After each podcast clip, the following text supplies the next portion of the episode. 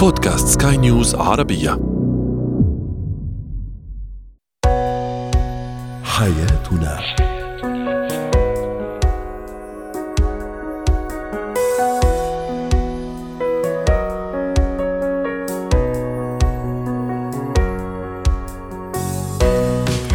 مستمعينا الكرام أهلا بكم. معنا إلى حياتنا فضاؤكم اليومي الذي يعنى بشؤون الأسرة وباقي الشؤون الحياتية الأخرى والذي يمكنكم الاستماع إليه عبر منصة سكاي نيوز dot com slash podcast وباقي منصات سكاي نيوز العربية الأخرى. شاركونا عبر رقم الواتساب 00971 561 8862 23 معي أنا مال شاب. اليوم نتحدث عن كيف نعيش اللحظة في الحياة بين الشريكين ولا نتطلع كثيرا للمستقبل بشكل مبالغ فيه؟ في عفوا قد يمنعنا من آه، أن نحيا ونعيش اللحظة بين الشريكين. ما هي خطورة رمي الطفل الرضيع للأعلى؟ وأخيرا نتعرف اليوم على اتيكيت تناول السوشي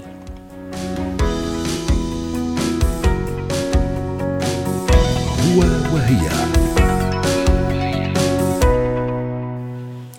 كثيرون هم ضحايا ترك الحياة تفلت من بين أيديهم لأنهم يتمسكون بشدة إما بالماضي أو بالمستقبل وينسون أن يحيوا الحياة في وقتها الحاضر أو يعيشوا الحياة في وقتها الحاضر. سنحاول أن نسقط هذه المشكلة إذا صح التعبير على الحياة بين الزوجين بين الشريكين في الحياة الزوجية.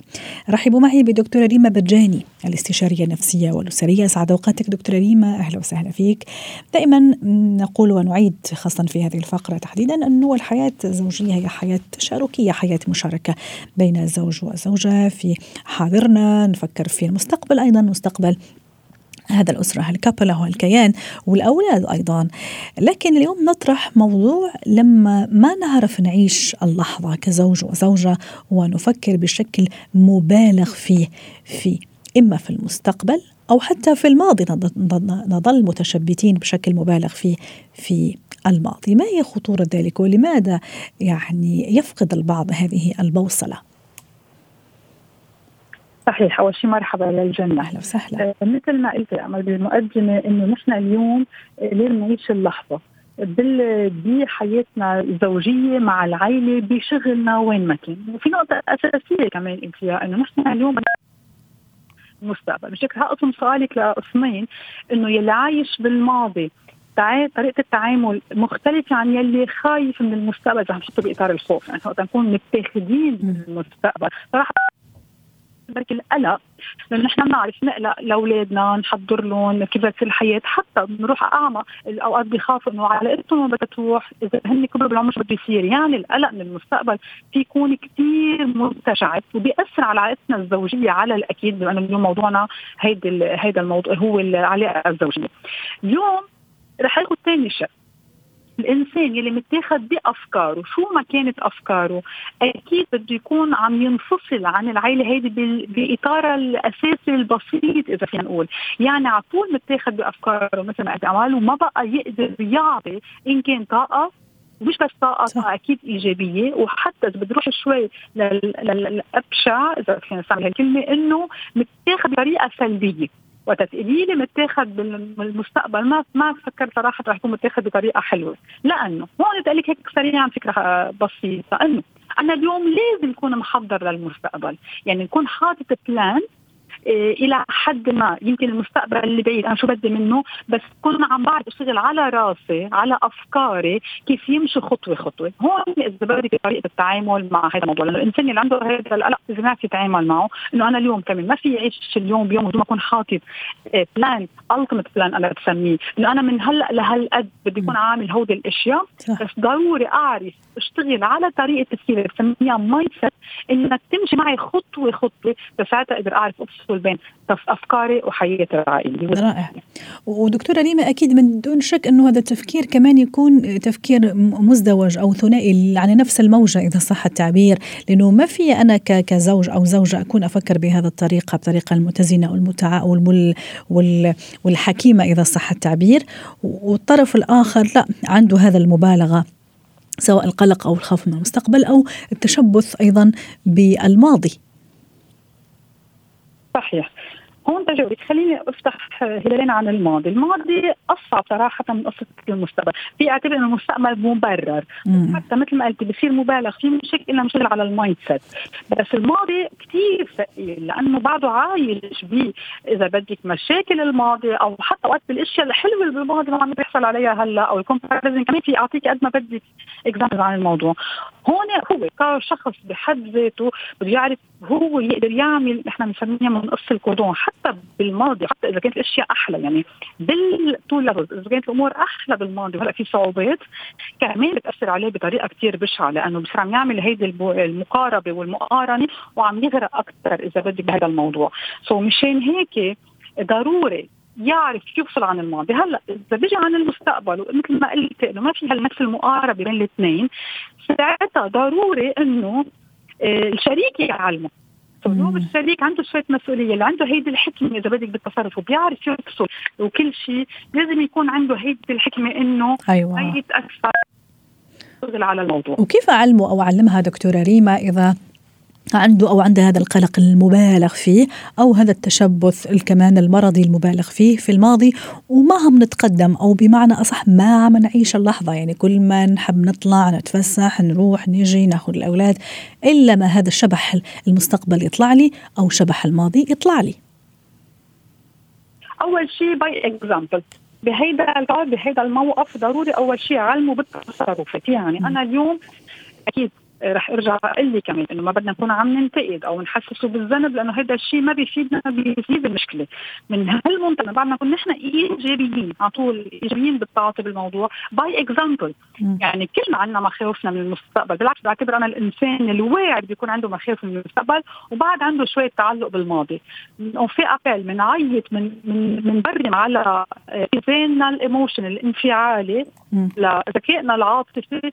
هو يساعدنا نعرف نلاقي حلول الحلول سو so, أول شيء الشخص اللي قبالي اللي عم يعرف يستعمله بده يكون عم يفرجيه للشريك إنه أنا كمان عندي هالمخاوف وأنا كمان عندي هيدي المشاكل بس أنا عم بعرف أتصرف فيها. سو so أول شيء باي اكزامبل اثنين بال communication الإيجابية. يعني ضوي له على بعض النقاط شو عم بيروح عليه بحياته اليومية من وراء هيدا التعلق يلي هو عايش فيه ثلاثة بدي أدفش شوي.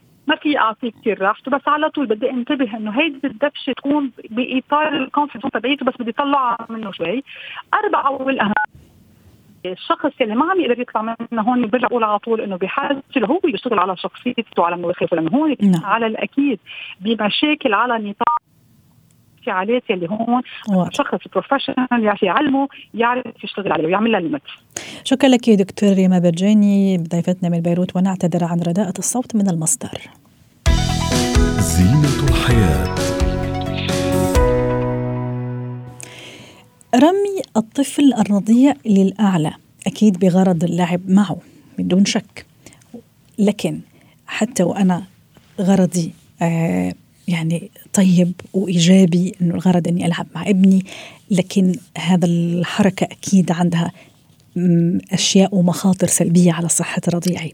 دعونا نتعرف على هذا الموضوع مع دكتور سامح عبد العظيم اختصاصي طب الأطفال وحديثي الولادة يسعد أوقاتك يا دكتور سامح أهلا وسهلا فيك معنا اليوم.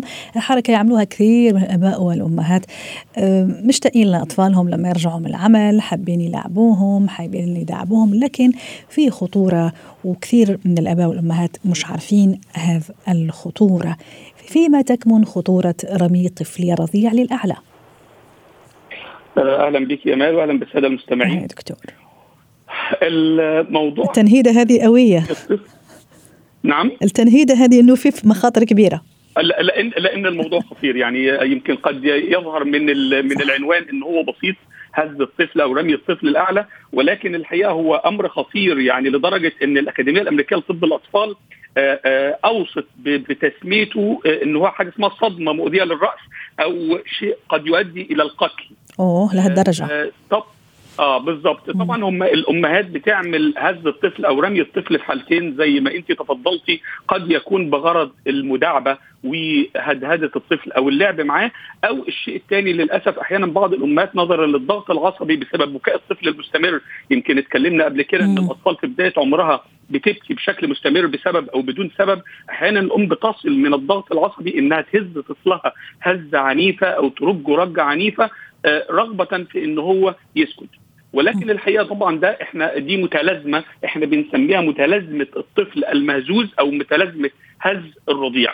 الأم ما بيكونش في تصورها أو تخيلها إن الهزة البسيطة دي قد تؤثر على الأنسجة الرخوة في آه، داخل الجمجمة بتاعه الطفل لأن لسه أنسجة الطفل رخوة لا تتحمل الهزة العنيفة أو الرمية دي. أيوة. فلو الأم سمعت إيه المضاعفات اللي ممكن تحصل أعتقد إن كل الأمهات وكل اللي بيسمعونا دلوقتي هيتعاملوا آه، بصورة اهدى أو بشكل اهدى من كده مع أطفالهم بدون الهز المستمر اللي بيتم. صحيح. أو الرمي اللي هو موضوعنا لأنه الهزه ذاك اليوم عملناه يا دكتور وكمان حكينا على مخاطر كثيرة. اليوم في موضوعنا اللي هو رمي الطفل للاعلى والحقيقة تقوم به الأمهات والآباء كمان. يعني مثل ما قلنا ممكن يشتغلوا بعد يوم طويل من العمل يمكن بعد ما رجع من السفر يمكن ويمكن يمكن أكيد الغرض هو إنه الحب لا أكثر ولا أقل. حكينا على المخ أو الإصابة بنزيف المخ. وأنا عم أعمل كمان سيرج على الموضوع لقيت له علاقة بتلف العين كمان. الدراسات العلمية تحذر من من من هذا الموضوع. كيف تلف العين يا دكتور؟ أنا كأم أقول شو دخل وشو خصني؟ أرمي طفلي لأعلى كذا رمية بالنسبة لي بسيطة. بدي أفرح بدي بدي اسمعه يناغي يضحك. شو علاقته بالعين يا دكتور؟ هو طبعا الموضوع زي ما إحنا قلنا آه، مرتبط برخاوة الأنسجة. فطبعا نزيف شبكية العين هو من المضاعفات آه، الشائعة جدا بنسبة 80% في الأطفال اللي بيتعرضوا للرمي أو للمداعبة بالشكل العنيف ده. فطبعا الطفل بتبقى لسه كل الأنسجة كل الأربطة الموجودة داخل الجسم آه، رخوة. زي ما إحنا بنقول للأم إحنا العضلات نفسها بتبدأ آه، آه، تتطور درجه درجة عند شهرين الطفل يتحكم في عضلة الرقبة عند أربعة في عضلة الظهر وعضلات القدر عند ست شهور. فبنفس الشكل كل الأعضاء الداخلية غير مكتملة وبشكل رخو مع رمي الطفل قد يؤثر على المخ زي ما إحنا قلنا يؤدي إلى نزيف داخل المخ قد يؤدي إلى نزيف داخل شبكية العين وقد يؤدي إلى التورمات في المخ قد يؤدي إلى الإصابات في العظام وإلى خلع فقد البصر معقول يا دكتور؟ فقد البصر معقول يؤدي أيضا لفقد البصر؟ طبعا هو في النهاية إحنا بنؤدي نزيف شبكة مم. شبكية العين قد يؤدي إلى فقد البصر النزيف داخل المخ قد يؤدي إلى مشاكل في البصر ومشاكل أخرى من تشنجات عصبية وفقدان القدرة على الكلام أو التطور ويأثر على الطفل مستقبلا آه كمان حضرتك تحدثت عن آه تعرض فقرات الظهر ل آه كمان تلف بهذا الحركة الغير مقصودة. هو الكلام ده هي دي كلها بنتكلم عن المضاعفات اللي بيتعرض ليها الطفل أو الرضيع نتيجة للرمي. ورمي معلش دكتور هي من, من أول مرة بيصير هذه المشاكل أو احتمال حدوث هالمشاكل ولا من كثر ما نعملها؟ تخيلي إن الدراسات كلها ما حددتش درجة آه. معينة لشدة الرمي أو عدد الرمي. ده قد يحدث من أول مرة وقد يحدث من الرمي المتكرر. اذا إحنا لازم نكون واخدين احتياطاتنا واخدين أمورنا. هدهدي طفلك ولعبيه ولكن بشكل بسيط. آه، آه، استقبليه وافرحي معاه ولكن بدون تعريضه لإصابة مباشرة زي ما تفضلتي قلنا. شبكية العين المخ عضلات العظام بتاعة الكتفين. وفقرات القفص الصدري كمان يا دكتور؟ طبعا وبيجي لنا أطفال معرضة لكسور في الضلوع. الضلوع رخوه لسه العظام بتتكون لسه الطفل هش. أي حركة قد تكون عنيفة بالنسبة له ولكن بالنسبة لنا إحنا هي حركة بسيطة أو مداعبة. لازم ناخد بالنا ونكون حريصين جدا مع مداعبة أطفالنا. صحيح. وأيضا حتى نختم أنا من بين الأشياء اللي كمان جلسة أقراها ونعم أحكي معك دكتور إنه ممكن كمان يصاب بالشلل أو الصرع. هذه كمان نتيجة لكل الأشياء اللي عم نحكيها. دي النتائج العصبية أيوة. امال إحنا بنقول زي ما إحنا قلنا كده الأساس والخوف والشيء الرئيسي هو نزيف داخل المخ. النزيف داخل المخ ممكن يؤدي لكل هالكوارث. العصبية. بالضبط يؤثر على المراكز العصبية يؤدي إلى فقد البصر فقد الكلام التشنجات العصبية تأخر التطور عند الطفل وصعوبة الكلام وتأخر في كافه مناحي التطور وقد يؤدي في النهاية لا قدر الله إلى الوفاة. اذا هو شيء خطير في حد ذاته ولكن إحنا بناخده بشكل بسيط متخيلين إنها مداعبة وشيء بسيط للطفل وأنا أشكرك على كل هذه المعلومات رائعة ومبدعة دائما دكتورنا سميح عبد العظيم اختصاصي طب الأطفال وحديثي الولادة وأتمنى لك كل خير وأتمنى لك أوقات سعيدة.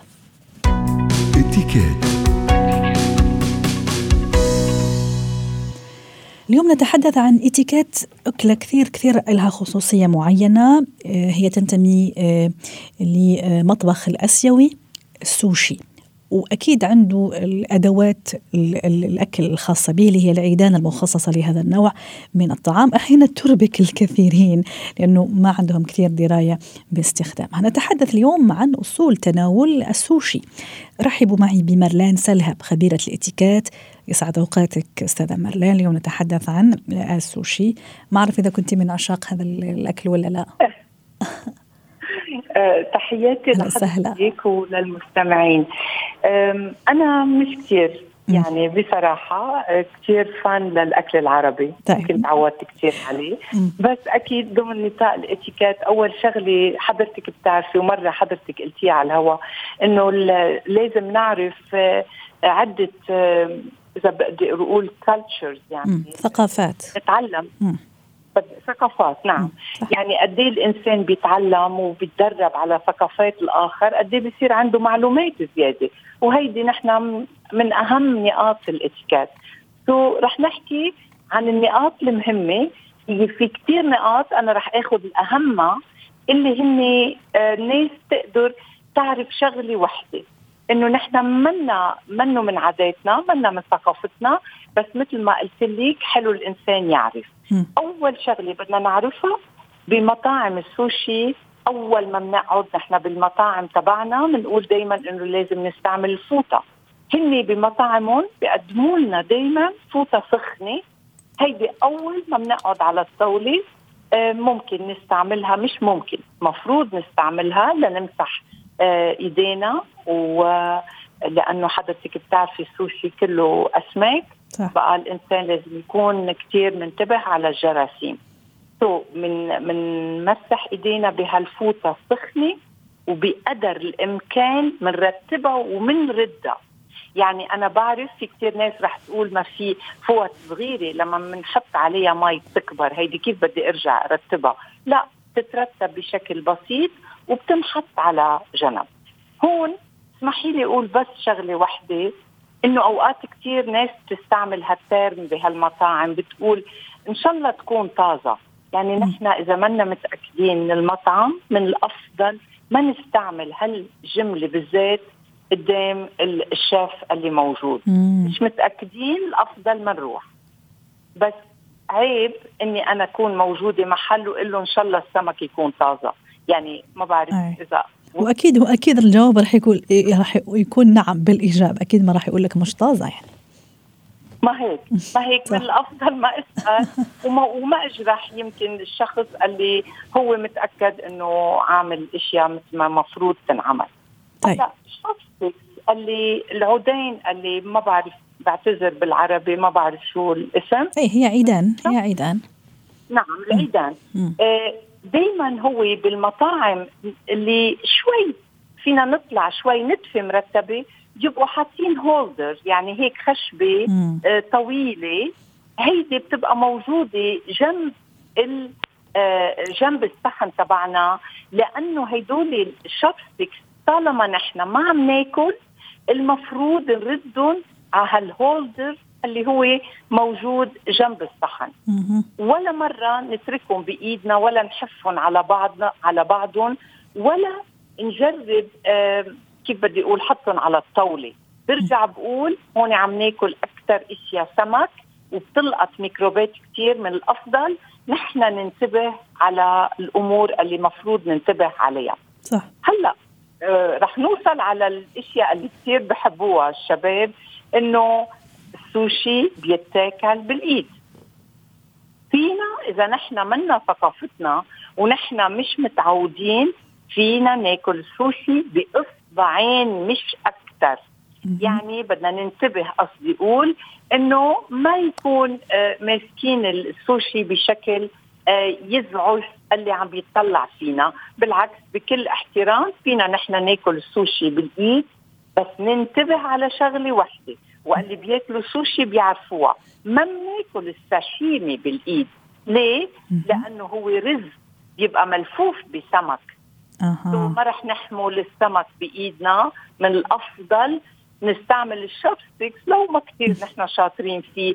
هن ببعض المطاعم حضرتك بتعرفي بحطوا مغيطة أوقات ليسهلوا لنا طريقة الأكل.